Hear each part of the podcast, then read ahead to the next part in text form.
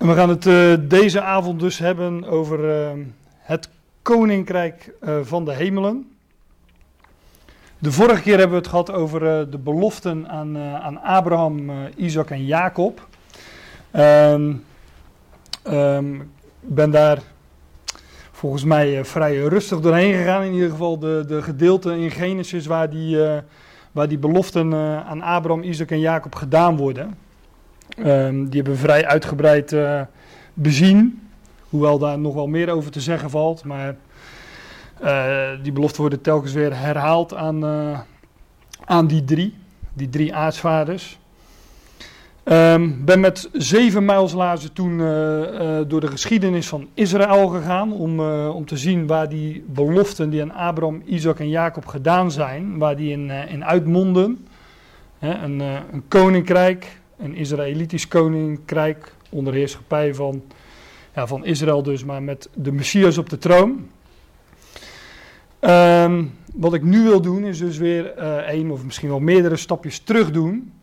En gaan kijken naar, uh, naar het koningschap. Want we hebben het over een koninkrijk. Nou, daar hoort koningschap bij. Dat koningschap uh, dat, werd beloofd aan onder andere aan David, het het huis van David, het koningshuis van David. Uh, dat gaan we straks dan ook, uh, ook wel zien. Maar ook dit wordt natuurlijk weer een avond waar, uh, waar veel meer over te zeggen valt. Ik werd vandaag gebeld door een, een meneer naar aanleiding van, van advertentie in, in de Brug of een van de andere lokale blaadjes. waarin ik deze Bijbelstudies aankondig, als ze het willen plaatsen in ieder geval. Tot dusver lukt dat aardig. Um, ja, die, die, die haalde ook wel dingen naar voren over dat koninkrijk. En uh, toen zei ik ook, ja, uh, er valt heel veel over te zeggen. Hè, van waar is dat koninkrijk nu? De meneer haalde een tekst aan uh, dat de Heer Jezus zegt: Het koninkrijk Gods is in uw lieden. Nou, dat betekent natuurlijk al dat als het in ons is, dat het een, in ieder geval voor de wereld niet zichtbaar is. Maar de schrift belooft en. Um, uh, voorzegt een openbaar, geopenbaard koninkrijk uh, hier op aarde. Um, wat ik vanavond wil doen is die lijn van Abraham, Isaac en Jacob, die we vorige keer hebben opgepakt, van letterlijke beloften, die wil ik doortrekken. Letterlijke belofte van koningschap, een letterlijke troon in Jeruzalem, een letterlijk Israëlitisch wereldrijk, om het even zo te noemen. En dat noemt de schrift, maar dan loop ik wat uh, vooruit op de zaak, het koninkrijk van de hemelen. Wellicht is die term sowieso uh, wat, wat, beter bekend onder het koninkrijk der hemelen. Dat, ik heb het expres uit elkaar getrokken, die naamval, en er het koninkrijk van de hemelen van gemaakt. Omdat die term het koninkrijk der hemelen, dat die zo lekker ingeburgerd is natuurlijk. En dat we er al uh, eigenlijk al niet meer bij nadenken van wat is dat nu precies. Ik heb er niet, niet veel vertalingen op nagekeken, maar um, nou, de Statenvertaling en de MBG-vertaling, zijn natuurlijk oude vertalingen, die hebben allemaal het Koninkrijk der Hemelen.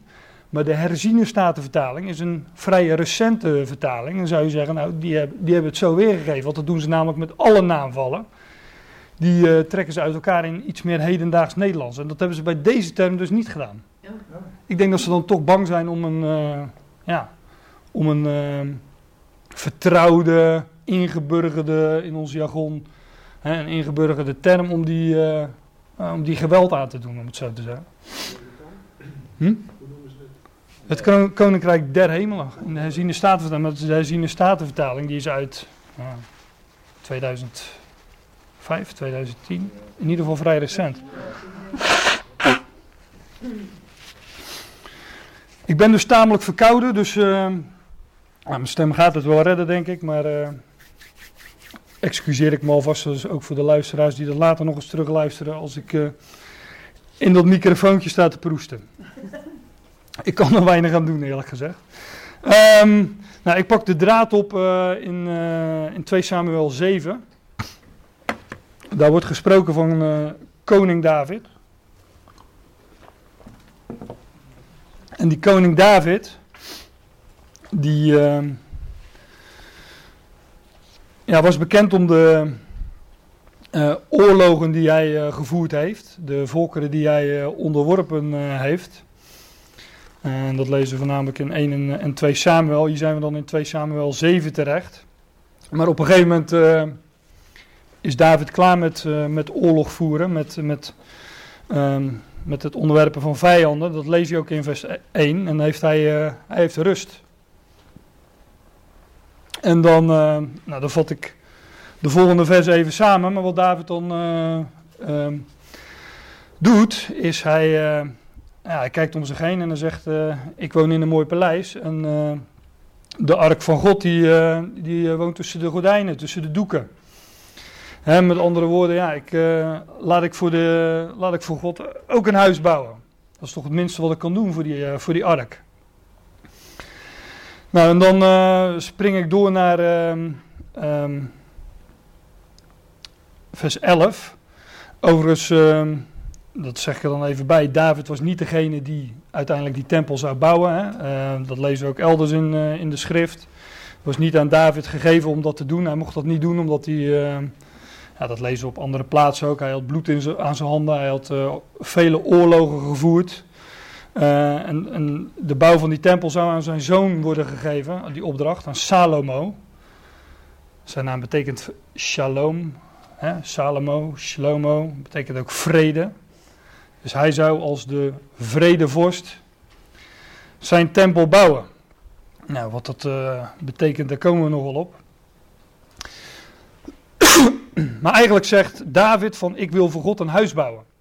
En dan zegt God tegen David in vers 11b, tenminste het tweede deel van vers 11, doch, maar u heb ik rust gegeven van al uw vijanden, ook geeft u de Heer te kennen, Jawel geeft u te kennen, dat de Heer u een huis maken zal. Dus draait het om. David wilde graag een huis voor God bouwen. God zei nee, ik ga jou een huis bouwen.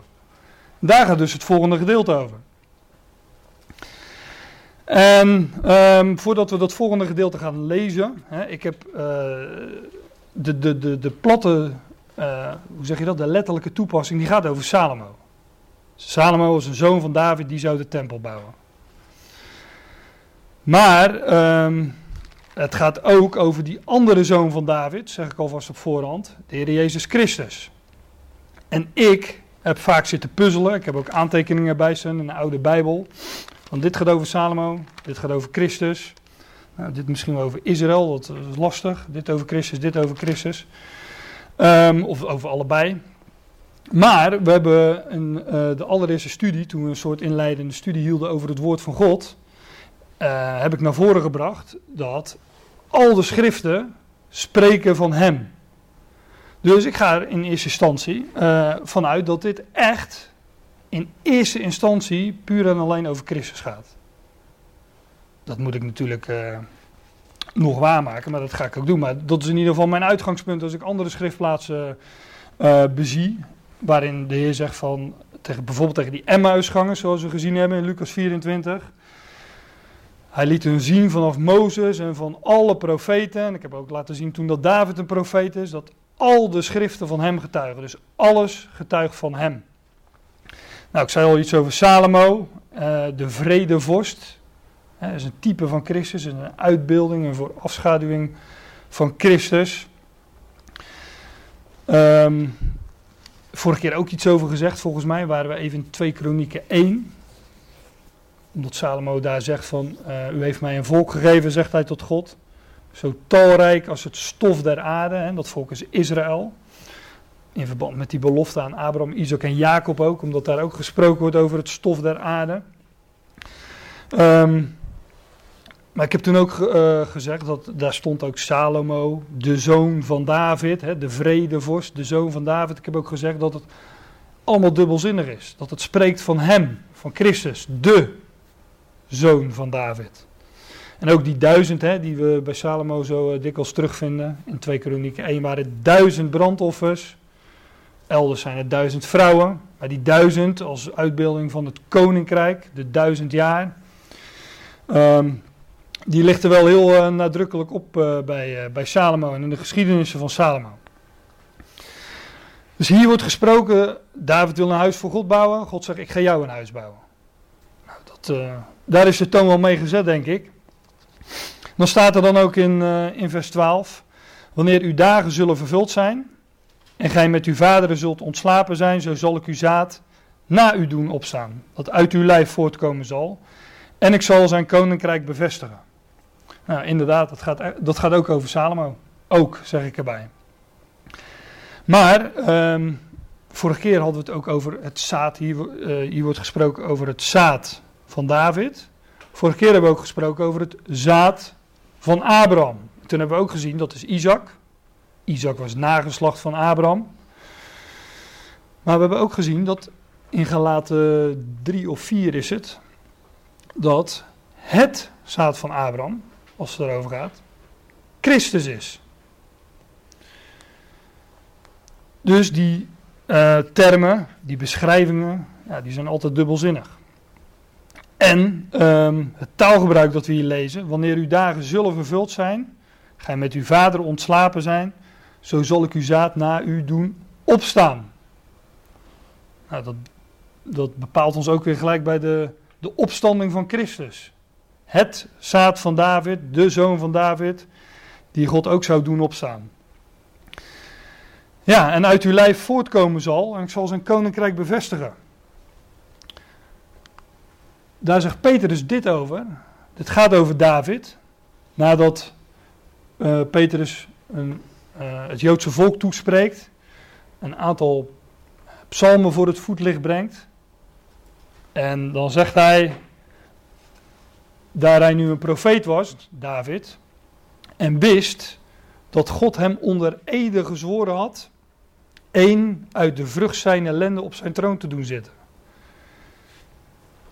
Hier staat, zo zal ik zaad na u doen opstaan, dat uit uw lijf voortkomen zal. Nou, die gelijkenis met deze termen, hè, de vrucht zijn ellende op zijn troon te doen zitten, die uh, ligt er wel erg dik bovenop.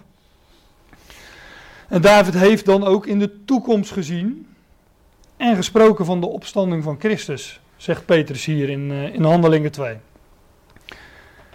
David wist dat iemand uit zijn lendenen, hè, die uit zijn lijf voortkomen zou, op zijn troon zou zitten. En hij schreef psalmen over dood en opstanding. Maar David had het niet uit, over zichzelf. Hij wist dat er iemand, één, uit de vrucht zijn ellende op zijn troon zou zitten. En hij heeft dan ook gesproken, hij heeft in de toekomst gezien en gesproken van de opstanding van Christus, de zoon van David. Die zal, vers 13, die zal mijn naam een huis bouwen. Ja, Salomo bouwde de tempel, hè, dat huis van God. Maar ook Christus bouwt zijn huis. Want de gemeente, de Ecclesia, het uitroepsel, dat volk dat God in deze tijd waarin wij leven verzamelt uit de heidenen, uit de natie, zonder onderscheid. Ook dat wordt een huis genoemd. Bijvoorbeeld in, uh, in Efeze 2. Zo zijt gij dan niet meer vreemdelingen en bijwoners, maar medeburgers der heiligen en huisgenoten van God. wij delen in dat huis. We zijn huisgenoten. Op welke, op wie ook gij mede, op, wie ook gij, op welke ook gij mede gebouwd wordt tot een woonstede, een woonplaats of een woonhuis, Gods, van God, in geest. Dat wil zeggen, een geestelijk huis. Hè? Een woonstede Gods, een woonstede, een woonhuis van God in de geest. Dus een geestelijk woonhuis van God. Dat is de gemeente. Dat staat hier. Dat zegt dit schriftgedeelte. Onder andere dit schriftgedeelte. Want we, we vinden dat nogal vaker. Hè? Bijvoorbeeld uh, in Hebreeën 3 is het, meen ik. Christus, wiens huis wij zijn. Zegt de schrijver van de Hebreeënbrief daar. En God zou dit huis van, uh, van David bouwen. Die zal mijn naam een huis bouwen. En ik zal de stoel van zijn koninkrijk bevestigen. Ja, tot in eeuwigheid. Uh, ik heb hier, voor degenen die dat nog niet gezien hebben, een, uh, Dit heet een uh, interlineair. Uh, dat wil zeggen dat we hier de Hebreeuwse tekst vinden, zoals die uh, in Hebreeuwse letters is opgeschreven. Ik heb hem overigens nu ingesteld op van links naar rechts, omdat ik, dat, ik dat gewoon wat makkelijker lezen vind. Hebreeuws is van rechts naar links, wordt dat geschreven. Maar je kunt het in het programma in de instellingen van links naar rechts zetten. Ja, dat zijn wij toch wat beter gewend. Dus ik heb er maar voor gekozen om dat te doen. En ook al zet je hem van rechts naar links, tot naam van mij moet je toch van links naar rechts lezen. Dus uiteindelijk ben je toch weer van links naar rechts aan het lezen. Dus ik denk, ik stel hem maar in op van links naar rechts. Dat is wat makkelijker. Maar hier is dus, dit is de Hebreeuwse tekst. Dit, is die, dit zijn die Hebreeuwse woorden overgezet in onze letters. Zoals wij die kennen, ons alfabet. En dit is een letterlijke uh, concordante weergave van die, uh, van die Hebreeuwse letters. In het Nieuwe Testament van de Griekse nou, letters zeg ik, maar ik bedoel de woorden. Dat wil zeggen dat uh, dit uh, woord huis, kennen we wel van Bethlehem, hè? dit zal dan altijd zoveel als mogelijk, dat is concordant, met huis vertaald worden. In een vertaling zie je vaak dat, tenminste vaak, zie je regelmatig dat men uh, concessies doet aan leesbaarheid of uh, andere zaken, zoals theologie bijvoorbeeld. En dan vertaalt men het opeens wat anders. Ja, ik zeg dat even met een glimlach, maar zo leuk is het eigenlijk niet. Maar hier wordt uh, voor gekozen in zo'n concordante interlineair om zoveel als mogelijk hetzelfde Hebreeuwse woord met hetzelfde Nederlandse woord weer te geven.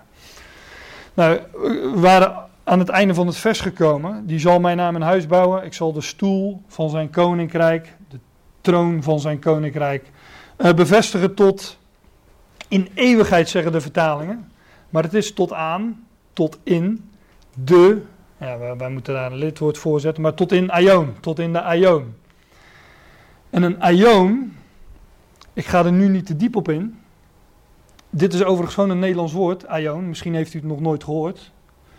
Um, de betere, de wat uitgebreidere woordenboeken, die kennen dit woord wel, aion.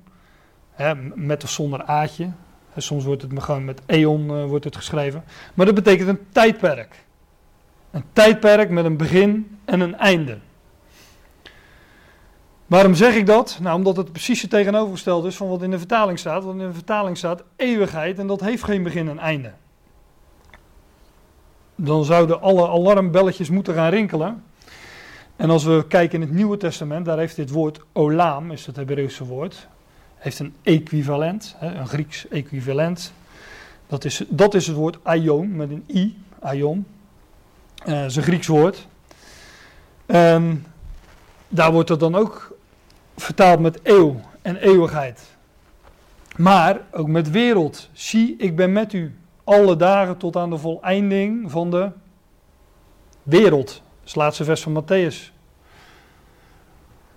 Maar als men het consequent vertaald had, had men gezegd: Ik zie, ik ben met u alle dagen tot aan de voleinding van de eeuwigheid. Ja, dat kan natuurlijk niet, want een eeuwigheid heeft geen einde. Dus er is nogal wat mis in die uh, vertalingen. En nu ga ik aan klantenbinding doen, want ik wil het daar over twee weken uh, over gaan hebben.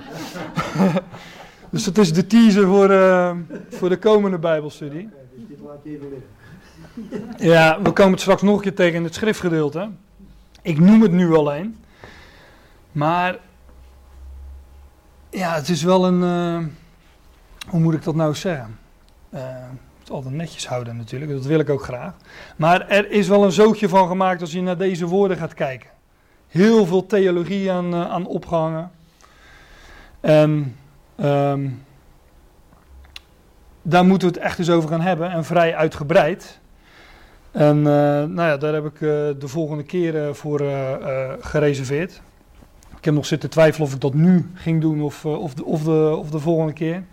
Maar ik had nu zoiets, ik wil eerst die lijn van Abraham, Isaac en Jacob is doortrekken naar David en naar het Nieuwe Testament. En nog even die lijn vasthouden voordat ik dit uitstapje maak. Maar dit is wel een, een zeer belangrijk uitstapje. He, want of het woord nu betekent wereld, eeuw of eeuwigheid, daar hangt wel wat vanaf. Eeuwig wel of eeuwig wee bijvoorbeeld. He, is dat tijdelijk, een tijdperk, of is dat een eindeloos verhaal. En dus een hopeloos verhaal. Nou, tot de, zover over de, de Ionen. En volgende keer dus uh, um, tamelijk uitgebreid, voor zover dat kan op één avond. Um, ja, God zou het huis van, uh, van David bouwen. Uh, en dat, dat, zegt hij hier ook. En um, die zal mijn naam, vers 13, die zal mijn naam een huis bouwen en ik zal de stoel van zijn koninkrijk bevestigen tot in, uh, tot in de eeuw.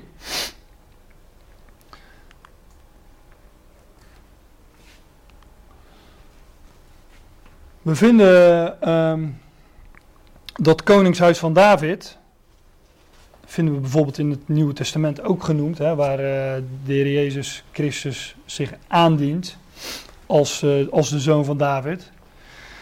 En er wordt dan ook gezegd dat Jozef, zijn vader, zijn wettige vader, Jozef ging ook op van Galilea, Lucas 2 vers 4, uit de stad Nazareth naar Judea, tot de stad Davids, die Bethlehem genaamd wordt, omdat hij uit het huis en het geslacht van David was. Hij was dus uit, dat, uit die familie, uit, die, die, uit dat koningshuis, uit, uh, een mooi woord daarvoor is, uh, is dynastie. We gaan dat straks ook nog zien in, uh, in Matthäus 1 bijvoorbeeld, waar een geslachtsregister van de Heer Jezus staat. Ja, daar wordt hij dan ook genoemd de zoon van David. Daar vinden we die hele lijn van die troonopvolgers, want daar gaat het uiteindelijk om. Opvolgers, ehm, opvolgers op die troon van David en de Heer Jezus Christus was de wettige troonopvolger van, van koning David. Van deze koning David waarover we lezen in 2 Samuel 7. En Jozef was dat dus ook, als uh, de vader van Jezus. Vers 14, ik zal hem zijn tot vader en hij zal mij zijn tot zoon. Ik lees nog even verder. De welke als hij misdoet, zo zal ik hem met een mensenroede en met plagen der mensenkinderen straffen. Dat tweede gedeelte, hè, dat uh, is wellicht wat lastiger toe te passen op de Heer Jezus Christus. Maar van dat eerste gedeelte, hè, ik zal hem zijn tot vader en hij zal mij zijn tot zoon. Ja, daarvan kunnen we van de volle, uh, met de volle 100% zekerheid zeggen dat het over Christus gaat. Want het is de schrijver van de Hebreeënbrief die, uh, die dit vers aanhaalt. Als het gaat over Christus in Hebreeën 1, dit is de opening van, van de brief. Daar wordt gesproken van de zoon. God spreekt in deze laatste dagen tot ons in de zoon. Voortijds had hij gesproken door de profeten, staat er ook nog bij, zoals David. Maar hij spreekt in deze laatste dagen tot ons door de zoon. En dan gaat de schrijver van de Hebreeënbrieven uitleggen dat, uh, dat, dat deze zoon uh, voortreffelijker is. Dat heeft de Statenvertaling geloof ik, voortreffelijker. Letterlijk staat er beter, hier staat machtiger, zoveel machtiger geworden dan de engelen. De zoon heeft een hogere positie ontvangen dan de engelen.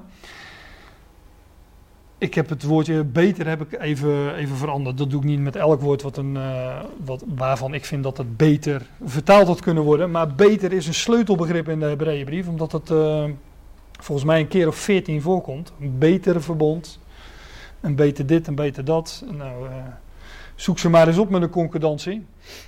Maar hier gaat het over de zoon die beter uh, geworden is dan de engelen. Verderop in de Hebreeënbrief gaat het over dat hij uh, beter is dan Mozes. En een hoger priesterschap heeft ontvangen dan Aaron. Hè. Al die dingen worden vergeleken met zaken van het oude verbond. Christus, wordt vergeleken met de zaken van het oude verbond, die slechts een schaduw zijn van hem. Een voorafschaduwing. Maar hier wordt gezegd zoveel beter geworden dan de engelen als hij uitnemende naam boven hen als erfdeel, als aandeel ontvangen heeft. Immers, tot wie der engel heeft hij ooit gezegd. Dat zegt hij in Psalm 2. Mijn zoon zijt gij, ik heb u heden verwekt. En wederom, of nog een keer, oftewel ik haal nog een schriftplaats aan, zegt de schrijver. Ik zal hem tot vader zijn en hij zal mij tot zoon zijn. Nou, dat is dus die schriftplaats uit 2 Samuel 7, vers 14. En daarvan zegt de schrijver van de Hebreeënbrief, waarvan ik denk dat het Paulus was, die zegt: Ik zal. Die zegt: Dit gaat over Christus. Deze schriftplaats in 2 Samuel 7, die spreekt van Christus, de zoon, die beter is geworden dan de engelen.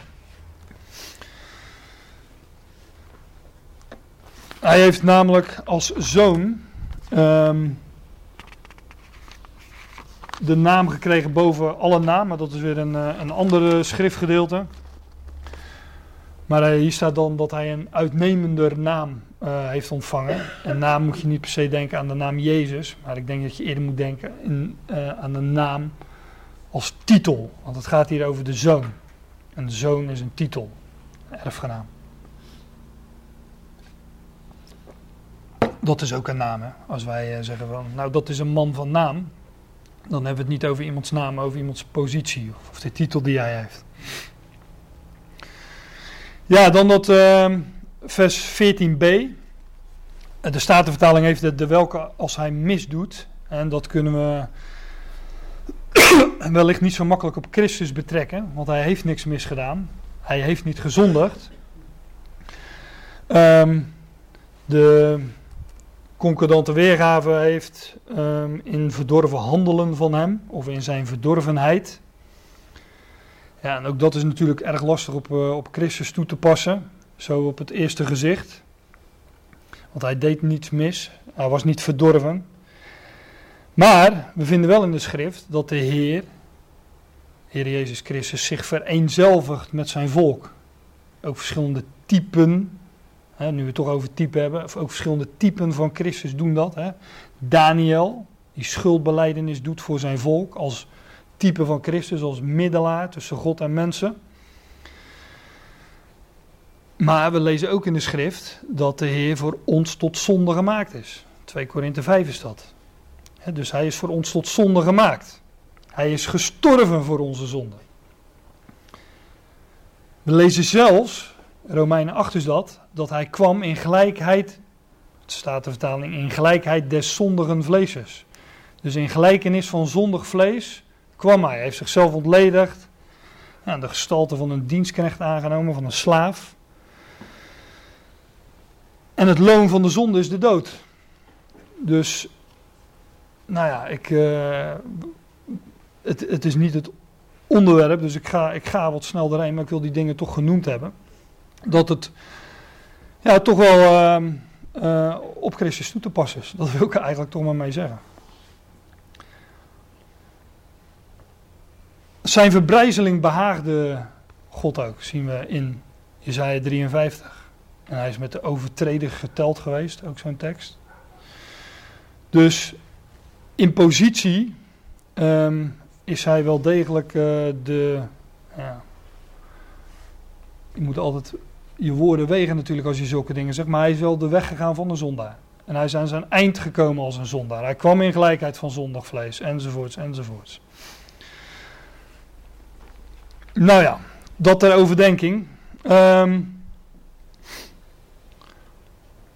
vers 15, maar, of, uh, of gewoon en, het is zo'n voegwoord, Hebreeuws voegwoord.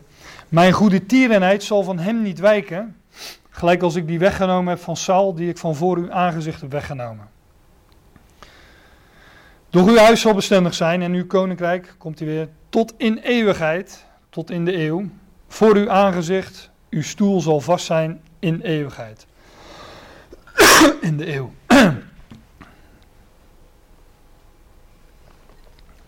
We zagen vorige keer dat aan Abraham een land werd beloofd.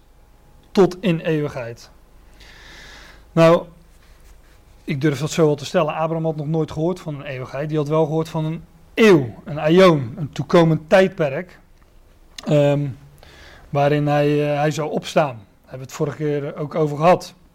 Maar hier staat dat God David een koningshuis zou bouwen tot in de eeuw, tot in die toekomende eeuw. Wellicht een term die u kent uit de schrift. We leven nu in de tegenwoordige boze eeuw, de tegenwoordige boze aion.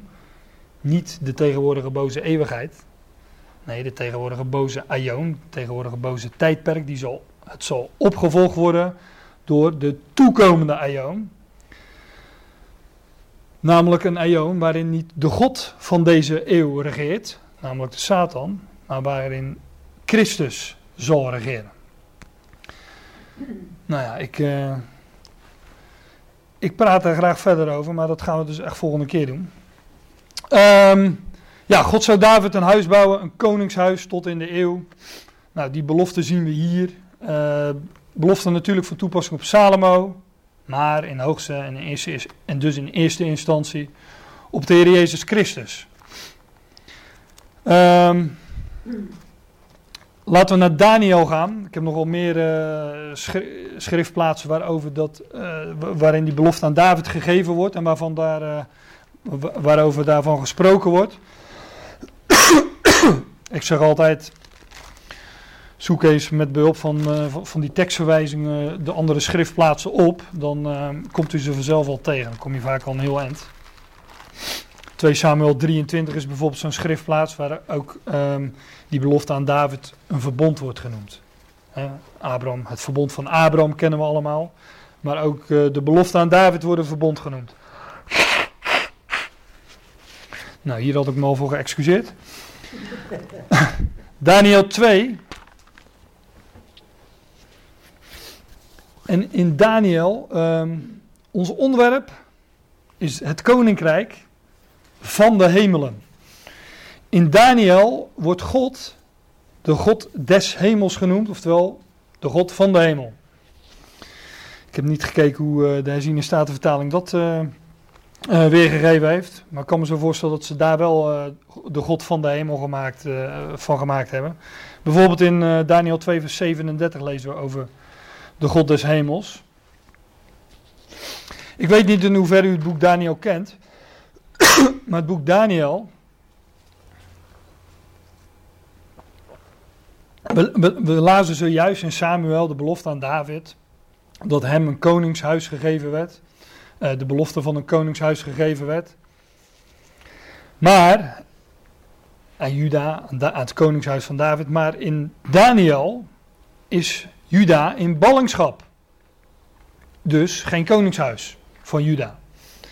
En in Daniel wordt dat koningschap, um, ja, dat koningschap, dat gaat naar, dat koninkrijk, dat gaat naar Babel. En we lezen dan ook diverse um, visioenen, dromen, beelden van opeenvolgende wereldrijken met als hoofdstad niet Jeruzalem, zoals een David was beloofd, maar Babel. En dat boek Daniel beschrijft hoe het koninkrijk weer terechtkomt bij de laatste erfgenaam, Christus. Het is nu weg bij Juda, het is naar Babel. Het boek Daniel beschrijft hoe dat weer terug gaat komen bij Jeruzalem, bij dat koningshuis van David en dus bij Christus. Ja, uiteindelijk komt dat weer terecht bij de zoon van David. En we vinden in Daniel 2 um, dat is tamelijk bekend, hè? echt een zonderschoolverhaal. Een, een, een droom van Nebukadnezar van een groot beeld. Een hoofd van goud. En nog wat andere metalen uh, in dat beeld. Zilver, uh, koper, ijzer en ook ijzer en leem. En vervolgens zegt Daniel tegen, tegen Nebukadnezar, want zijn droom was het. Ik ga er maar vanuit dat u uh, de geschiedenis kent. U bent dat gouden hoofd. U bent dat Oh, u bent als heerser van, uh, van dit wereldrijk, bent u dat gouden hoofd. En na u zal een ander koninkrijk opstaan en daarna weer een ander enzovoort. Maar we lezen dan in, uh, in, in vers 45, nee in vers 44, dat dat beeld, ik vat het even samen, verpulverd wordt door een steentje dat van de berg afrolt. En steeds groter wordt en het beeld verpulvert en vermaalt. En die steen, die vervult de gehele aarde. In vers 45, dan maak ik natuurlijk een hele grote sprong in dat hoofdstuk. In vers 45 wordt uitgelegd. Um, dat. Um, ja, wordt, wordt de uitleg van die steen gegeven. Maar in vers 44 wordt, uh, wordt de daadwerkelijke uitleg gegeven. En daar staat dan ook in de dagen van die koningen, gaat over de koningen van het laatste wereldrijk, waarvoor, waar uh, over zojuist gesproken is, tien tenen. Ik, kan het, ik kan natuurlijk niet op al die details ingaan, maar uh, um, dus wellicht dat daar wat blijft hangen. Maar in ieder geval in de dagen van die koningen, de koningen van dat laatste wereldrijk, zal de God des hemels een koninkrijk verwekken dat ook hier in der eeuwigheid niet zal verstoord worden. Dat koninkrijk zal aan geen ander volk overgelaten worden. Het zal al die koninkrijken vermalen en het niet doen, maar het zal zelf in alle eeuwigheid bestaan. Voor de Ionen zal dat koninkrijk bestaan. Nou, hier wordt dus uitgelegd wat, wat die steen, die, dat, die, uh, die naar beneden rolde van die berg en die dat beeld, wat een uitbeelding is van al die wereldrijken die elkaar zouden opvolgen. Um, wat, die, die, die steen um, die verpulvert en vermaalt al die wereldrijken en die vervult de gehele aarde. En hier wordt uitgelegd, nou dat, uh, de, hier wordt de uitleg gegeven van, van die steen, dat dat een, uh, een koninkrijk is. Die steen is dus een koninkrijk dat tot in de aion, in de eeuwigheid, niet zal verstoord worden. Maar hier gaat het erover dat de God des hemels, letterlijk staat er de God van de hemelen, die zou een koninkrijk verwekken. Nou, hoe heet een koninkrijk dat verwekt wordt door de God van de hemelen? Dat heet het koninkrijk van de hemelen. En ik zeg dat maar vast, omdat we straks die term in het Nieuwe Testament ook tegenkomen. In de dagen van die koningen zal de God van de hemelen een koninkrijk verwekken dat tot in de aion niet zal verstoord worden. En God zal dat ook verwekken. Ook hier weer zo'n verborgen aanwijzing dat het tot stand komt door opstanding. Letterlijk staat ook zoiets als oprichten. Want die steen, die rots, die vinden we talloze keren in de schrift. Dat is natuurlijk Christus. Denk aan de steen waar Jacob wat vorige keer over Jacob, Jacob zijn hoofd oplegde. Hij legde zijn hoofd te rust op de steen. Nou, als je hem kent, dan heb je rust. Kan je hoofd op uh, te rusten leggen. En ook je denken, waar, wat, wat, wat zich in het hoofd afspeelt. Ja, dat kan je. Dat zou daar zijn bij Christus. Dat zou op die rots gebouwd zijn, op die rots gelegen. Maar we hadden het net over David en die had ook stenen, vijf. En daarmee uh, velde die die reus. Dus ook uh, dat, die steen of de rots, hè, dat komen echt uh, talloze keren tegen in de schrift. De steen die door de bouwlieden verachtelijk was een plaats ontzegd. En die, uh, ja, dat is Christus. Dat zegt de schrift ook onomwonden. maar hier wordt dus dat, dat koninkrijk aangekondigd dat al die wereldrijken met Babel als hoofdstad niet zal doen. En dat, dan wordt er ook gezegd dat koninkrijk zal aan geen ander volk overgelaten worden. Dat is ook weer een verwijzing dat het een Israëlitisch koninkrijk is. Maar dat ga ik u straks laten zien in Daniel 7. En dat koninkrijk zal al die koninkrijken vermalen en teniet doen. Nou, laten we dan maar gelijk doorbladeren naar uh, Daniel uh, 7. Daar vinden we ook weer een, uh, een droom, was het, dacht ik. Ja, een visioen. Van Daniel zelf. Van vier dieren dit keer, geen metalen, maar dieren. een leeuw, een beer, een luipaard. En het vierde was een verschrikkelijk en gruwelijk uh, nou, monsterachtig dier. We vinden die beschrijving uh, van die dieren overigens ook weer in openbaring 13. Um, ik haak even aan in uh, vers 13. Daar staat: Verder zag ik in de nacht gezichten, oftewel zijn droom of het visioen, hoe je het maar wilt noemen. En ziet, er kwam een met de wolken des hemels, als eens mensenzoon. En hij kwam tot de oude van dagen, en zij deden hem voor dezelfde naderen. Kijk, die oude van dagen, dat is God. Dat is wel duidelijk uit de geschiedenis, denk ik. En daarom wordt hij ook vaak zo afgebeeld als een oude man met, met grijs haar. En uh, er staat ook een uh, omschrijving van hem bij in, uh, met als vers 9. Maar ik, ik wil toch even ergens op wijzen dat die term oude vandaag, dat er eigenlijk letterlijk iets, iets heel anders staat. Er staat zo, zoiets als de verplaatser vandaag. Ziet u dat de verplaatser van dagen, de overzetter van dagen. Wij leven nu, ik had het net over de boze Aion, maar de schrift noemt het bijvoorbeeld ook de dag des mensen.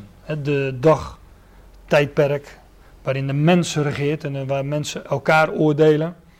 Maar er zal een tijd komen dat, niet de, dat de dag des mensen ten einde komt en dat de dag des Heren aanbreekt. Nou, ik denk dat daar die term overzetter of verplaatser van dagen uh, naar verwijst. Want daar gaat het dan ook over in het schriftgedeelte. het einde van al die aardse koninkrijken en het begin van een, uh, van een, een, koninkrijk vanuit de hemel. Um, ja, ik zag in de nachtgezichten ziet, er kwam een met de wolken des hemels als eens mensenzoon. Nou, ook weer een verwijzing natuurlijk naar Christus, de zoon des mensen. En hij kwam tot de verplaatsen, de overgezette van. En ze deden hem voor dezelfde naderen. En hem met gegeven heerschappij en eer en het koninkrijk. He, Christus wordt gegeven heerschappij, eer en het koninkrijk. Dat koninkrijk dat in dit visioen um, uitgebeeld door allerlei dieren, uh, bij aardse koninkrijken uh, terecht was gekomen. En dat hier bij Christus terechtkomt. Het koninkrijk, hem met gegeven heerschappij, eer en het koninkrijk, dat hem alle volken, naties en tongen eren zouden. He, zoals tegen Abraham gezegd was, in u zullen alle geslachten van de aardbodem gezegend worden. En zijn heerschappij is een eeuwige heerschappij. Ja, een heerschappij van.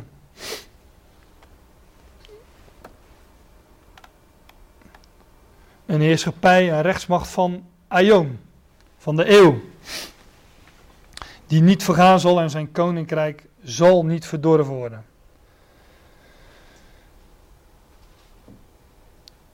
En dat koninkrijk, het komt met de wolken van de hemelen. Hè, dus het komt ook hier weer uit de hemel. Maar het bevindt zich wel degelijk op aarde. Alle volken, naties en tongen zouden hem eren. En zijn heerschappij is een heerschappij voor de Aion.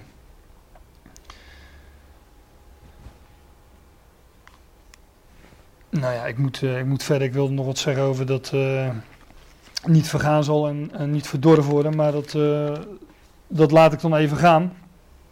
Vers 17 vinden we nog een beschrijving. Tenminste, vers 18. Maar deze, vers 17 lees ik dan even mee. Deze grote vier dieren die vier zijn, zijn vier koningen die uit de aarde opstaan zullen. Ik beweerde dat al iets te voorbarig, dat het gaat om dat die dieren koninkrijken uitbeelden. Maar hier staat het, uh, het zijn koningen. Nou ja, een koning is een koning omdat hij een koninkrijk heeft. Die uit de aarde opstaan zullen. En dan vers 18. Maar de heiligen der hoge plaatsen, zegt de vertaling. De heiligen der hoge plaatsen zullen dat koninkrijk ontvangen. En zij zullen het rijk bezitten. Tot in der eeuwigheid, ja, tot in eeuwigheid der eeuwigheden. Nou weet ik niet wat eeuwigheden zijn, maar uh, ja, dat blijkt ook nog in het meervoud te kunnen zelfs. Ja, ik zeg het wat cynisch, maar kom het nu al erg vaak tegen natuurlijk in al deze schriftplaatsen. Maar letterlijk staat er tot in. Ze zullen het rijk bezitten tot in de aion. Ja, tot in of tot aan de aion van de aionen. En de aion van de aionen is een tijdperk um, dat uitsteekt boven al die andere tijdperken. Zoals wij kennen de Heer der Heren, de Koning der Koningen, het lied der liederen. En hier is het de aion van de aionen, dus de meest uitnemende, de belangrijkste aion, belangrijkste tijdperk. Um, de heiligen der hoge, letterlijk staat er gewoon de, de heiligen van de Allerhoogste. Um, ja, heiligen zijn natuurlijk gelovigen. He, gelovigen worden in de Bijbel, uh, in de schrift heiligen genoemd. En hier vinden we de heiligen van de Allerhoogste. En dat is uh, in de eerste plaats uh, Israël. Want Daniel is een boek, een profeet voor het Joodse volk. Als we, nou, dat vinden we talloze keer. Ik noem misschien wel het bekendste schriftgedeelte uit uh, Daniel. Hè, als het gaat over de profetie van die 70 weken. Dan ontvangt Daniel een visioen en dan wordt er gezegd: 70 weken is bestemd, is afgezonderd over uw volk en over uw heilige stad. Dus over het Joodse volk en over de heilige stad. Ja, dat kan maar één stad zijn, dat is Jeruzalem. Ehm, en dit volk wordt dan bijvoorbeeld ook in Exodus, maar het is maar een voorbeeld, wordt dan ook daar genoemd een heilig volk. Gij zult mijn eigendom zijn uit alle volken, zegt de Exodus 19, vers 5. Gij zult mij een priesterlijk koninkrijk, een koninkrijk. Gij zult mij een priesterlijk koninkrijk en een heilig volk zijn, een afgezonderd volk. Dit zijn de woorden die gij tot de kinderen Israëls spreken zult. Nou, ik heb er een uh, tweetal schriftplaatsen onder gezet. Dat rijtje kunnen we aanvullen tot, uh, tot tientallen. Maar Israël is dus een, een heilig volk. En het wordt hier ook gezegd, een priesterlijk koninkrijk. En daar gaat het ook over in Daniel 7. Een, de, de heiligen van de Allerhoogste, zij zullen dat koninkrijk ontvangen. Zullen, zullen het rijk, dat koninkrijk bezitten tot in de Aion, ja, tot in de Aion van de Aionen. En dat betekent dan ook dat het koninkrijk, waar de Messias op de troon zal zitten in Jeruzalem, een Israëlitisch wereldrijk zal zijn. En priesterlijk zal het zijn, een priesterlijk koninkrijk, want uit Sion zal de wet uitgaan. Zegt Jezaja 2 bijvoorbeeld. Uit Sion zal de wet uitgaan, het woord des Heren uit Jeruzalem. In dit volk en in hun aartsvaders zullen alle geslachten van de aardbodem gezegend worden. Ja, dat uh, kun je wel zeggen als uit Sion de wet zal uitgaan. De Torah, de onder, Gods onderwijzing. En het woord des Heren uit Jeruzalem. En zullen die volkeren ook optrekken naar Jeruzalem, lees je in de profeten. Dat zal een Israëlitisch wereldrijk zijn. Nou, de laatste schriftplaats voor de pauze, dat is uh, dezelfde schriftplaats, alleen een paar versen verder. Vers 27. Wellicht een overvloede, maar er wordt het nog een keer gezegd. Het rijk en de heerschappij en de grootheid der koninkrijken onder de ganse hemel zal gegeven worden aan de volken der heiligen, der hoge, van de allerhoogste staat er ook gewoon weer. Welks rijken eeuwig een rijk van de Olaam, van de Aion zijn zal. En alle heerschappijen zullen hem eren en gehoorzamen.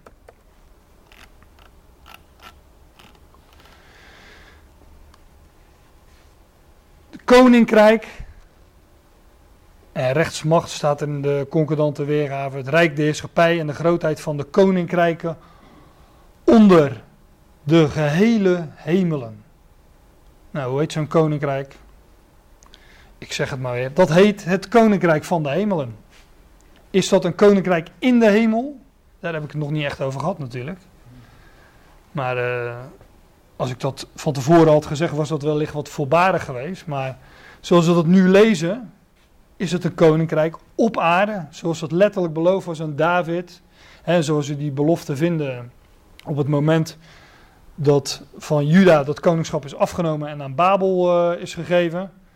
Ja, dan vinden we dat, uh, dat het weer terugkomt bij, de, bij het rechtmatige koningshuis. En dan wordt het een, een, een Israëlitisch rijk, een koninkrijk, een priesterlijk koninkrijk. Zoals dat voorzegd is in de, in de profeten. Ik weet dat dit altijd vergeestelijk wordt, die term de, het koninkrijk der hemelen. Alsof, dat een, uh, alsof het rijk uh, nu is in de hemel. Maar uh, in eerste instantie is dat gewoon een rijk op aarde, een koninkrijk hier op aarde. Beloofd aan, aan Israël, beloofd aan Juda, beloofd aan het koningshuis van David. En ik wil u dan ook na de pauze gaan meenemen naar het Nieuwe Testament. Om daar ook die term, het koninkrijk van de hemelen, is wat nader te gaan bezien. Maar eerst koffie. Ik weet nu we gaan weer verder. Ik weet niet hoe u dat heeft, maar um, toen, ik, toen ik wist dat ik hier uh, bijbelstudies uh, zou gaan geven, dan is, uh, is de verleiding altijd wel echt groot om meteen bij de, de zaken te beginnen die rechtstreeks aan ons geschreven zijn, waarvan we weten dat ze rechtstreeks aan ons geschreven zijn. En dat zijn in eerste instantie de, de specifiek de brieven van de apostel Paulus. Paulus is de apostel der heidenen, de leermeester der heidenen, de leermeester van de natie. In een tijd waarin God handelt zonder onderscheid. Hè, dus er is geen onderscheid tussen Jood en, en Griek, tussen Jood en heiden. Maar hij verzamelt zich een volk voor de heidenen uit zijn naam. In onze tijd zijn deze brieven en deze de boodschap van Paulus is actueel. Ik weet niet of het u opgevallen is, maar dat is nu juist waar we het nu niet over hebben. En uh, ja, wellicht heeft u zoiets van, waarom hebben we het er dan over? Nou, juist als je zicht krijgt op um, hoe deze dingen zijn, hè, de beloften aan, aan, aan, Israël en eh, de vervulling daarvan, krijg je ook een veel beter zicht op die boodschap van Paulus. Die boodschap die rechtstreeks aan ons gericht is. Maar um, we gaan uiteindelijk echt wel terechtkomen bij, uh, bij Paulus. Ik weet niet of, dit, of dat voor de zomer nog gaat gebeuren of, uh, of, of dit jaar zelfs nog, dat, dat weet ik eigenlijk nog niet. Maar ik wil voor het, om het contrast te schilderen en um, ook de andere kant van. Ja, dat, dat is niet helemaal de juiste term in dit verband, maar de andere kant van, van het verhaal, de andere kant van de medaille is, is laten zien. En uh, die lijn in de schrift volgen met, met, met de beloften. Nou, zoals we die gezien hebben aan Abraham, Isaac en Jacob en de beloften aan David. En ik heb hier Matthäus 3 op de biemen staan, maar ik ga eerst even naar uh, Matthäus 1.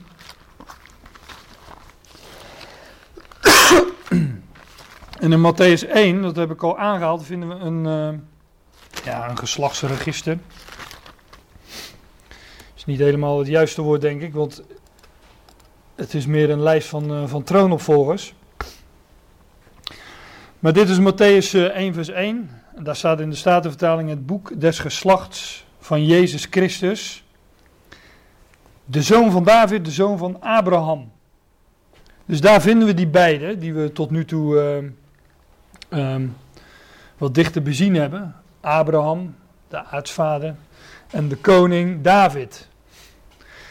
Nou, hier wordt dan ook een, uh, een geslachtsregister, uh, een, een, lijst van troonopvolgers gegeven van, ehm, van, uh, ja, van het huis van David. En dat, nou ja, dat, die belofte aan David, die hebben dan dus ook alles te maken met de belofte aan Abraham. In ieder geval legt dit vers, vers die link. En we vinden in, in Matthäus 1 dan een lijst van erfgenamen op die troon. Nou, daar ga ik nu niet, niet helemaal doorheen. En we zien Abraham, Isaac, Jacob, nou, dan begint, dan begint het allemaal wat ingewikkelder te worden met Juda. Fares en Zara staat er in de Statenvertaling. Peres en Zera worden ze genoemd in Genesis 38.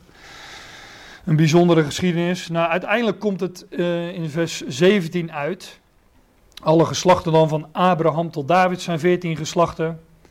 Van David tot de Babylonische overvoering zijn 14 geslachten. En van de Babylonische overvoering tot Christus zijn 14 geslachten. Dat wil zeggen bij elkaar dus 42 geslachten tot op de Messias, tot op Christus. Voor de fijnproevers zeg ik erbij dat we ook in openbaringen 42 vinden, 42 maanden. En dat is dus inderdaad, na die 42 maanden zal de Christus zich aandienen. Ik geef hem er zo even bij. Um, dan nu wel naar uh, Matthäus 3. Nou, in Matthäus 1 hadden dus uh, het geslachtsregister. In Matthäus uh, 2 uh, wordt, uh, worden de wijzen uit het oosten beschreven. Maar in, um, in Matthäus 3, daar uh, komt Johannes de Doper op het, uh, op het toneel. Je moet weten dat het Matthäus-evangelie, dat is vrij algemeen bekend, Jezus beschrijft als de komende koning. Zoals Marcus en Lucas en Johannes um, weer een ander aspect van, van de Heer Jezus Christus benadrukken. In die dagen, vers 3 vers 1, in die dagen kwam Johannes de Doper prediken in de woestijn van Judea. Nou, hij preekte niet, staat er ook niet, maar hij proclameerde. Hij deed een aankondiging. Hij had een mededeling. En hij zei, het staat ook in vers 2, en zeggende, bekeert u, want het koninkrijk der hemelen is nabijgekomen. Bekeert u, dat woordje uh, wat vertaald is met bekeren, is metanoia. En noia um, heeft met denken te maken, zoals paranoia. Dan, uh, dat heeft ook met denken te maken, alleen zit er dan naast, naast je denken. Dus dat is niet goed. Maar metanoia is een, van metamorfose, een, een gedaanteverandering, gedaanteverwisseling. Een metanoia is een verandering in denken. Oftewel, bezinnen zou ons Nederlandse woord zijn. Maar omdenken, anders denken. u moet weten, maar dat ga ik niet uh, uitgebreid onderbouwen. Als u de evangelie leest, uh, komt u er zelf ook wel achter. U moet weten dat het Joodse volk op dit moment, dat Johannes hier ten tonele verschijnt, um, toch wel tamelijk ver afgedwaald was van hun oorsprong. we vinden wel schriftgeleerden en fariseeën en leidslieden, maar de Heer zegt tegen hun, jullie um, volgen niet Gods woord, Gods onderwijs, maar jullie hebben je eigen overleveringen, jullie uh, hebben de overleveringen van de vaderen en uh, allerlei, uh, wij zouden dat wellicht kerkvaders noemen, volgde men na, maar niet meer de schrift. En... Um, de Heer zegt dan ook, jullie hebben het woord van God krachteloos gemaakt door jullie eigen inzettingen.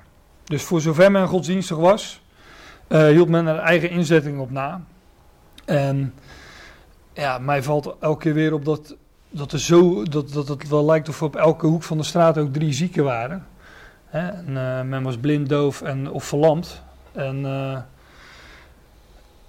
en ook demonie, hè, het uitdrijven van demonen vinden we regelmatig in de, in de evangelie. Dus er was, daar was echt wel geestelijk ook echt iets aan de hand. Het was, was niet goed. En daarom zegt Johannes dan ook, bekeert u, bezint u, verander je denken, want het koninkrijk der hemelen, koninkrijk van de hemelen is genaderd, is nabijgekomen. Over welk koninkrijk hebben we dan? Nou, dat hebben we zojuist gelezen in Daniel, in... Uh, ook in Samuel, de belofte aan David, maar met name in Daniel, waar dat zo nadrukkelijk uh, het koninkrijk van onder de gehele hemelen uh, genoemd wordt. Dat het een, een, koninkrijk vanuit de hemel is. Dat is de, de, boodschap hier van, uh, van Johannes de Doper. hij zegt dan in vers 3, want deze is het, hij heeft het over zichzelf, van de welke van wie gesproken is door Jezaja de profeet zeggende, de stem des roepen in de woestijn, bereid de weg des Heren, maak zijn paden recht. Wat Johannes zegt, eh, het koninkrijk der hemel is nabijgekomen, de koning komt eraan. Dat, dat is eigenlijk de boodschap die hij, uh, die hij proclameert. En Johannes is dan ook de wegbereider van Christus. En, um, maar dat vinden we dan ook in de profetie uit Jezaja die hij aanhaalt. Hè? De stem des roepen in de woestijn, bereid de weg des Heren. Hij was zijn weg bereiden, maak zijn paden recht. Ik, ik, weet niet of u de profetie kent uit Jezaja 40, dat is ook een tamelijk bekend hoofdstuk. Het gaat over de aankondiging van het nieuwe verbond. er zou een nieuw verbond komen. Staat dan ook wat krom is, zal rechtgemaakt worden, staat in Jezaja 40. Zoals hier, maak zijn paden recht. De heerlijkheid des Heren zal geopenbaard worden. Nou, wie is die heerlijkheid des Heren? Dat lijkt me wel duidelijk, dat is Christus. Johannes zegt dat bijvoorbeeld ook in uh, die andere Johannes, in Johannes 1. Het woord is vlees geworden en wij hebben zijn heerlijkheid aanschouwd. Een heerlijkheid als van de enige geborene van de Vader. De heerlijkheid des Heren zou geopenbaard worden en dat is de boodschap die, uh, die Johannes hier dan ook uh, brengt. Nou, we vinden vervolgens in, in, in, in dit hoofdstuk Um, de officiële, ja, zo noem ik dat dan even, de officiële aanvang van het optreden van Jezus. In uh, vers 13 tot en met 17 wordt hij gedoopt door Johannes. Daarom heet hij ook Johannes de Doper, hij doopte.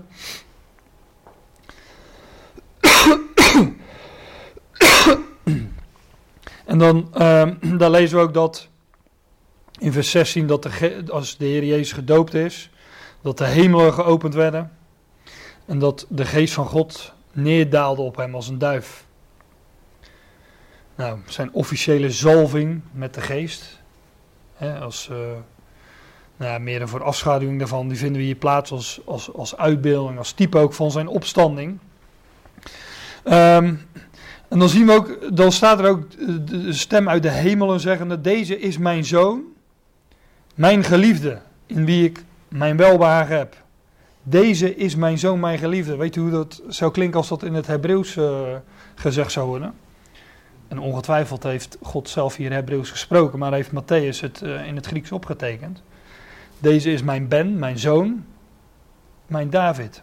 David betekent geliefde. En hier dient de zoon van David zich aan. Om maar even ook de link te leggen met, uh, met de David uit, uit 2 Samuel. Nou, we vinden dan vervolgens, uh, zodra de Heer um, zijn officiële aanvang, uh, de officiële aanvang van het publieke optreden van de Heer, um, ja, zich aandient hier door zijn doop, vinden we eigenlijk ook meteen daarna beschreven hoe het af zal lopen. Hier wordt de Heer verzocht door Satan. En hij, hij die het woord, van, woord Gods genoemd wordt, later bijvoorbeeld in openbaring, hij verslaat hier de Satan. Nou, dan weten we dus ook meteen hoe dat af zal lopen. Satan zal verslagen worden. Door het woord Gods. En hij deed dat ook door te zeggen, er staat geschreven. Hij wees Satan op het woord van God. Nou, dan lezen we dus uh, vervolgens in uh, ehm, 4 vers 17 soortgelijke woorden als die van Johannes, alleen nu uit de mond van de Heer Jezus zelf. Van toen aan heeft Jezus begonnen te prediken, ook weer hier proclameren, aankondigen en te zeggen: bekeert u, ook hier hetzelfde, bezint u, want het koninkrijk der hemelen is nabijgekomen. De koning dient zich aan en dat koninkrijk van de hemelen, wat, waar Daniel over sprak, dat koninkrijk vanuit of onder de hemel, hè, met een uh, hemelse oorsprong, hemelse heerschappij, dat dient zich hier aan. En dat uh, proclameert de Heer Jezus, dat is zijn boodschap. Hij is de komende koning en hij proclameert dat dat koninkrijk waarover de profeten hebben gesproken hier nabij is gekomen.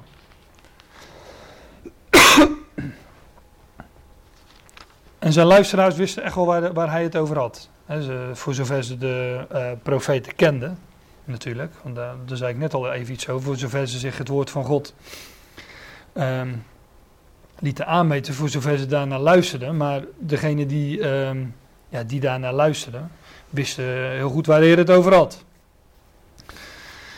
Nou, dan maak ik weer een sprongetje naar uh, vers 23. Daar wordt dan gezegd: Jezus om omging geheel Galilea, lerende in hun synagogen en predikende het evangelie des, het evangelie van het koninkrijk. En genezende alle ziekten en alle kwalen onder het volk. Het gaat hier dus, ook hier weer, over het Joodse volk.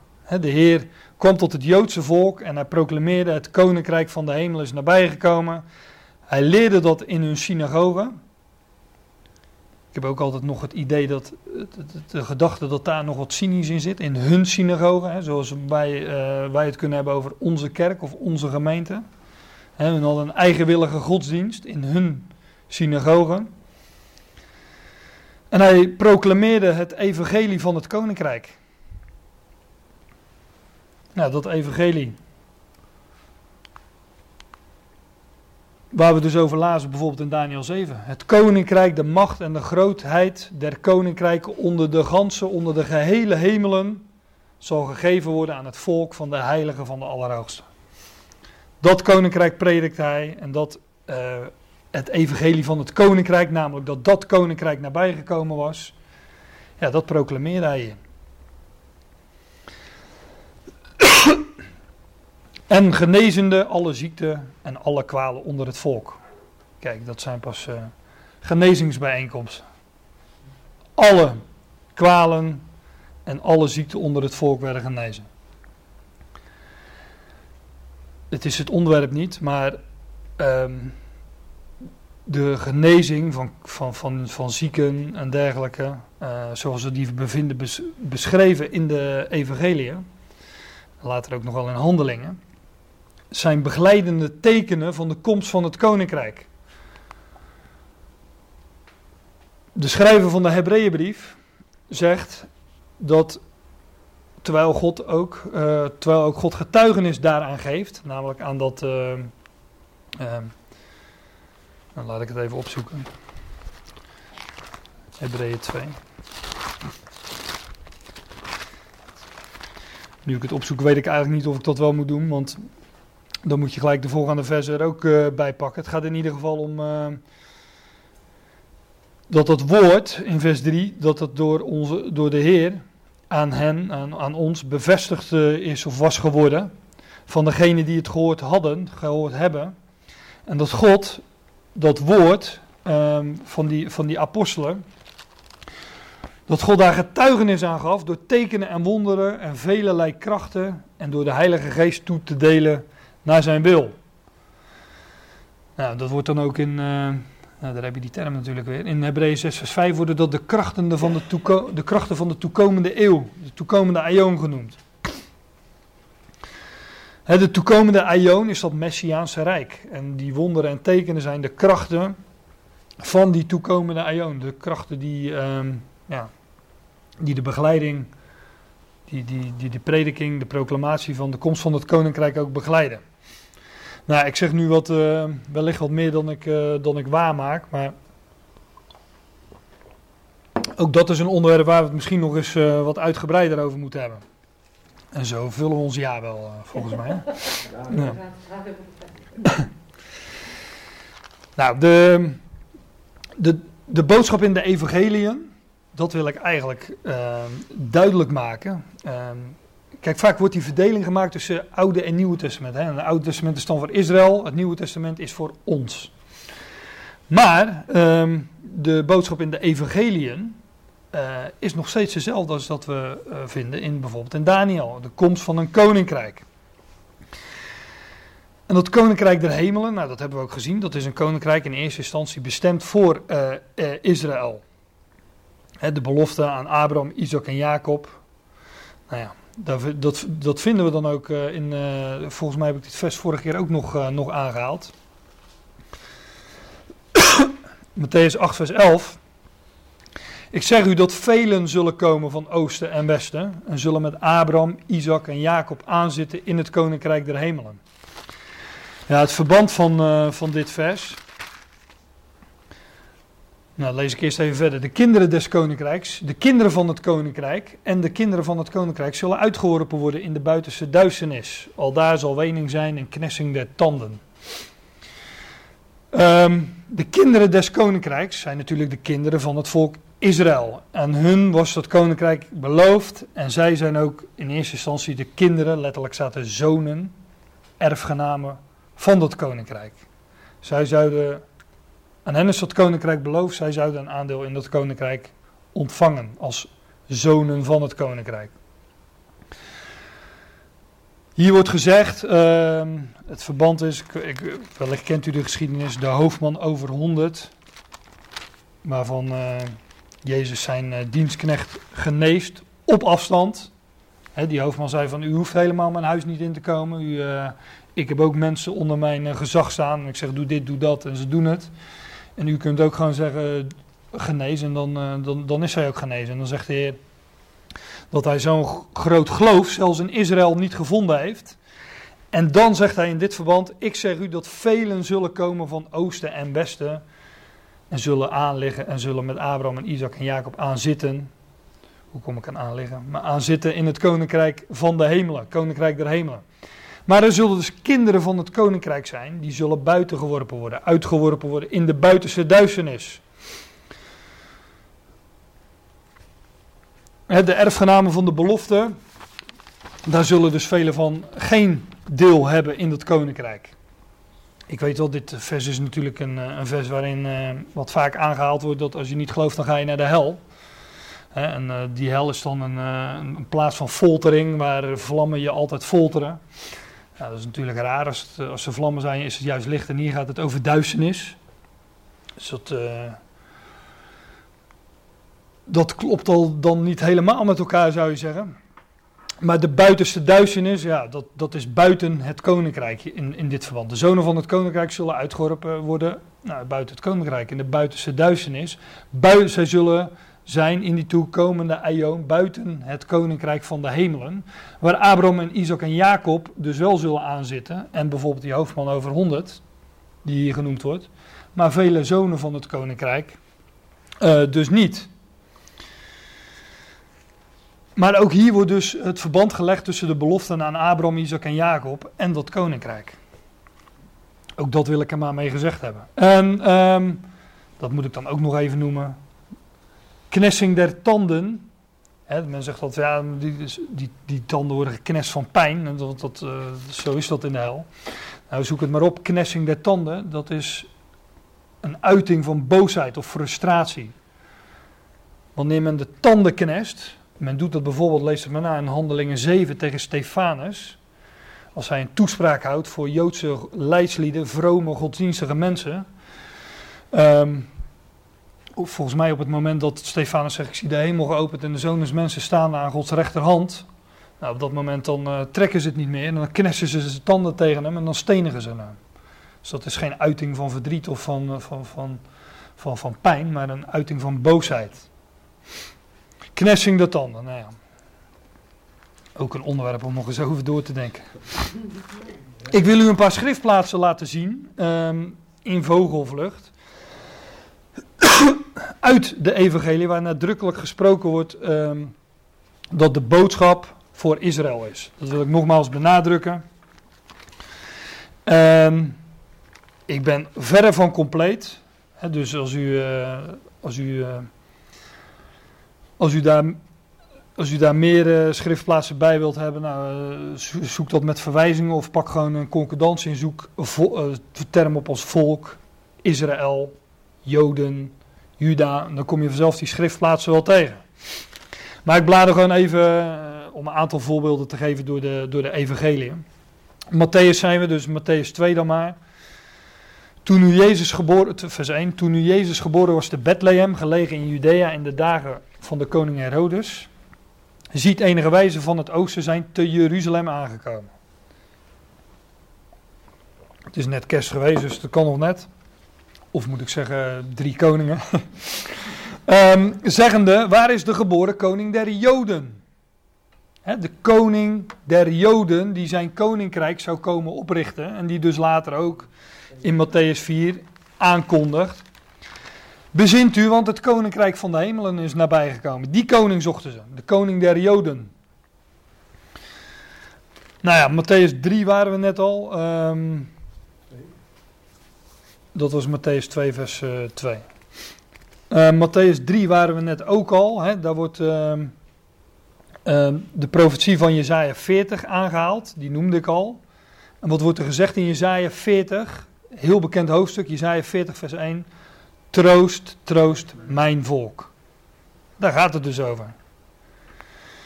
Het volk Israël. En troost, uh, troost, maar het gaat over het nieuwe verbond. En troost in de schrift is altijd uh, iets wordt weggenomen. Ik weet niet of altijd of ik dat uh, hard kan maken, maar in ieder geval vrijwel altijd iets wordt weggenomen. Je krijgt er iets beters voor terug. Als ja, nee, Isaac is het geloof ik. Als Isaacs moeder sterft, dan wordt hij vertroost door Rebecca. Dan krijgt hij Rebecca. Dus hij raakt iets kwijt, maar hij krijgt iets beters voor terug. Beetje lastig om dat te zeggen met mijn moeder in de buurt. Maar,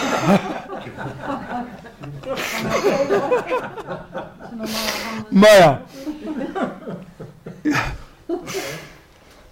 en Jezaja, um, Jezaja is natuurlijk een profeet die zich richt tot Israël. Hè? Uh, Jezaja 1 vers 1, daar lees, lees je dat gaat over Juda en over Jeruzalem. Dus de profetie die Johannes de Doper hier aanhaalt in, in, in Matthäus 3, vers 3, spreekt van mijn volk uh, en over van Juda en Jeruzalem. Uh, um, zo. um, ja, dat, dat stond te gebeuren natuurlijk, dat die stem het uh, zou gaan begeven. Um, Lucas 1. Ik ga gewoon wat harder praten, dan lijkt het nog wat. Uh, Lucas 1, vers 31. Daar wordt door de engel Gabriel aan Maria uh, aangekondigd. En zie, gij zult bevrucht worden en een zoon baren en gij zult zijn naam heten Jezus. Deze zal groot zijn en de zoon van de Allerhoogste genaamd worden. Uh, hij is de zoon van de Allerhoogste. Israël is het volk der heiligen van de Allerhoogste. Deze zal groot zijn en de zoon van de Allerhoogste genaamd worden. En God, de Heere, zal hem de troon van zijn vader David geven. Ook hier weer die troon van David. En er zal over het huis Jacobs koning zijn, ja, tot in de Ionen, tot in de eeuwen. Er staat hier een meervoud zelfs, dus als men met eeuwigheid vertaald zou hebben, had men altijd nog eeuwigheden moeten vertalen. Maar ja. Maar hij zal over het huis Jacobs koning zijn. Hè? En Jacob kreeg later die naam Israël. Dat spreekt dus van Israël. Het huis van Jacob. Nou verderop in Lucas 1. Um, ehm, ja, daar gaat het uh, in vers 67 over Zacharias. Ook een bekend gedeelte. Zacharias, zijn vader, werd vervuld met Heilige Geest en profeteerde, zeggende: Geloof zij de Heer, de God van Israël, de God Israëls, want hij heeft bezocht en verlossing teweeggebracht voor zijn volk, zijn volken. En hij heeft een hoorn van zaligheid, een hoorn van redding. En hoorn spreekt ook weer van koningschap. David werd ook gezalfd uit een hoorn, met olie uit een hoorn. Spreekt van koningschap. Hij heeft een hoorn van redding voor ons opgericht. In het huis van David, zijn knecht. Zoals hij gesproken heeft door de mond, zijn er heilige profeten die van het begin der wereld geweest zijn. Ook hier staat weer vanaf de Aion. Dan ziet u hoe dat woord vertaald wordt. Ik noem het elke keer maar, maar dan gaat het u vanzelf opvallen. Wereld wordt het hiermee vertaald. Maar ja. Vers 71, namelijk een verlossing van onze vijanden. Hè, onze vijanden, zegt Zacharias als Jood. En gedachtig waren. Nou, nou, nu. Eh, uh, een verlossing van onze vijanden van de hand van al degenen die ons haten. Lezen in je neus snuiten, dat gaat niet samen. Dat... Opdat hij, hè, dus onze vijanden, en uh, opdat hij barmhartigheid deed aan onze vaderen. En gedachtig waren aan zijn heilig verbond en aan de eed die hij Abraham, onze vader, gezworen heeft om ons te geven. Nou, hier gaat het dus over, uh,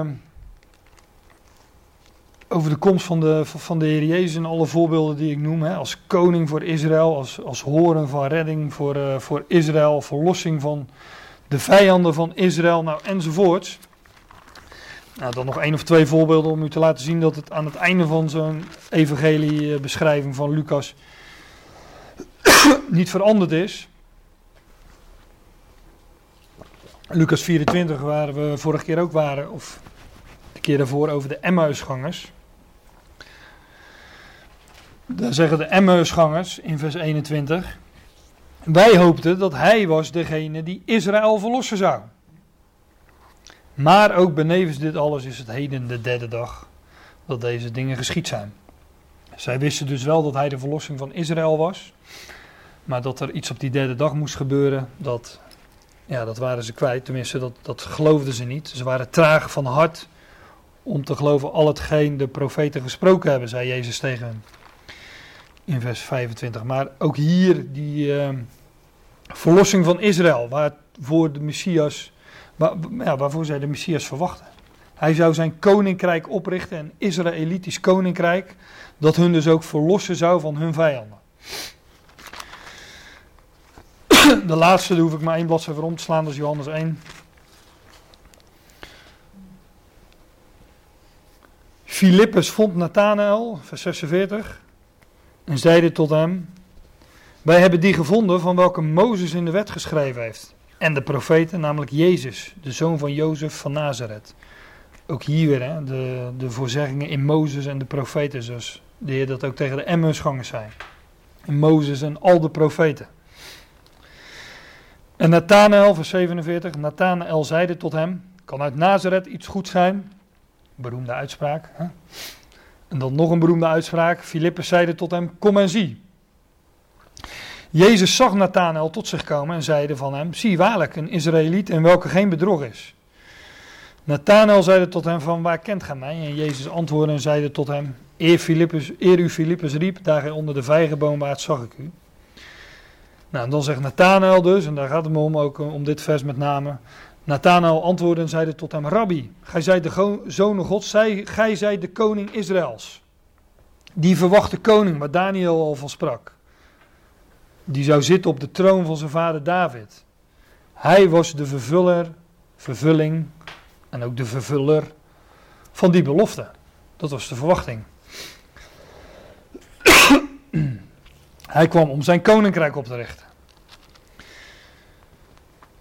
Nou, in het Oude Testament vinden we dus verwachtingen en beloften aan Israël en voor Israël. En uh, de komst van Jezus was, was die vervulling. Oud-testamentische beloften met betrekking tot koninkrijk en koningschap. Die zouden in hem vervuld worden. Hij is die beloofde Messias en dat koninkrijk van de hemelen was met zijn komst nabijgekomen. Een boodschap in eerste instantie dus voor Israël. Nou, ik heb het beste voor het laatste bewaard. Um, als het om dit soort schriftplaatsen gaat. Um, want ik heb nog twee schriftplaatsen, ook in Matthäus. Waar de Heer heel specifiek ook zegt dat, um, dat die boodschap voor, uh, voor dat volk bestemd is. Matthäus 10.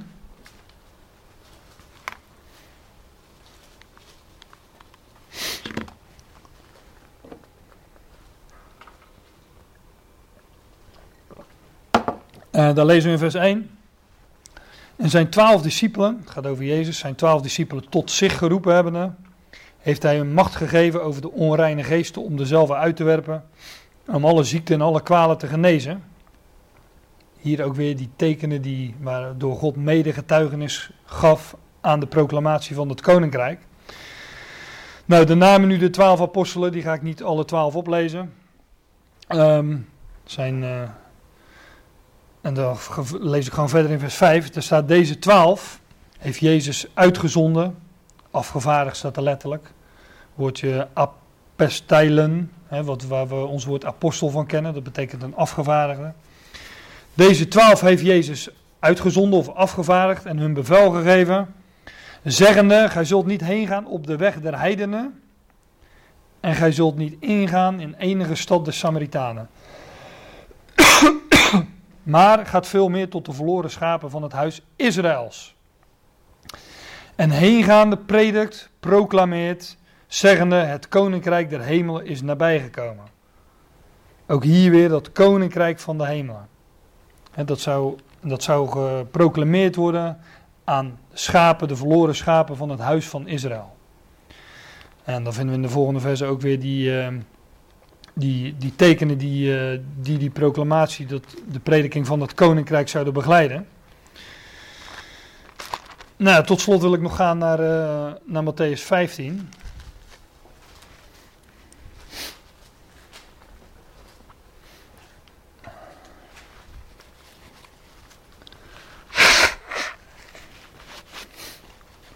Kijk, hier vinden we ook weer een geschiedenis waarin um, specifiek wordt gezegd dat de boodschap is voor Israël. Maar waar ook alweer een. Um, uh, zoals een Abraham was beloofd, Abraham, Isaac en Jacob, dat in, hun, in hen alle geslachten van de aardbodem gezegend zouden worden, dat die zegeningen ook voor de heidenen zouden zijn. Maar de, de, de belofte was dat een Israëlitisch wereldrijk, een Israëlitisch koninkrijk zou komen, waar Waardoor via Israël, via dat priestelijke koninkrijk, de andere volken gezegend zouden worden. Dus dat loopt altijd via Israël. Was in, was, dat is deze boodschap. Ik kom er straks nog wel even op terug. En Jezus vandaag gaande, vers 21 lees ik even van uh, Matthäus 15. Jezus vandaag gaande vertrok naar de delen van Tyrus en Sidon. En ziet een Canaanese vrouw uit die landpalen komende riep tot hem zeggende... Heere, gij zonen Davids, ontferm u mijne. Mijn dochter is deerlijk van de duivel bezeten. Maar hij antwoordde haar niet één woord. Nou, dat zou. Uh, dat is opvallend, hè? Dat, er loopt een vrouw achter hem aan. En de Heer die we kennen als de, de, de, de Zoon van God, de, de komende Messias, die antwoordt een Canaanese vrouw met, niet met één woord, staat hier. Zijn discipelen hebben er ook last van, die zeggen, zijn discipelen tot hem komende, baden hem zeggende, laat haar van u, want zij roept ons na. Stuur haar weg, zeggen ze, want ze, ze roept ons na. Dat is een beetje een uh, gênante vertoning. Daar komt het uh, eigenlijk op neer. En dan zegt de Heer, hij antwoordde en zeide, ik ben niet gezonden dan tot de verloren schapen van het huis van Israël. Tot het huis Israëls. Ook hier weer, hij is de komende koning voor Israël. Ik weet het verhaal ook verder, dus ik, ik lees het nog even, even mee. Ze kwam en aanbad en zeggen, de Heer help mij. En uh, Jezus antwoordt, uh, hij antwoordde en zeide, het is niet betamelijk het brood der kinderen, kinderen Israëls namelijk, te nemen en de hondekens, dat is een heel oud Nederlands, de hondjes voor te werpen. En hij zeide ja heren, maar zij zeiden ja heren, maar de honden eten ook van de brokjes die er vallen van de tafel van hun heer. Ja, bekend denk ik hè.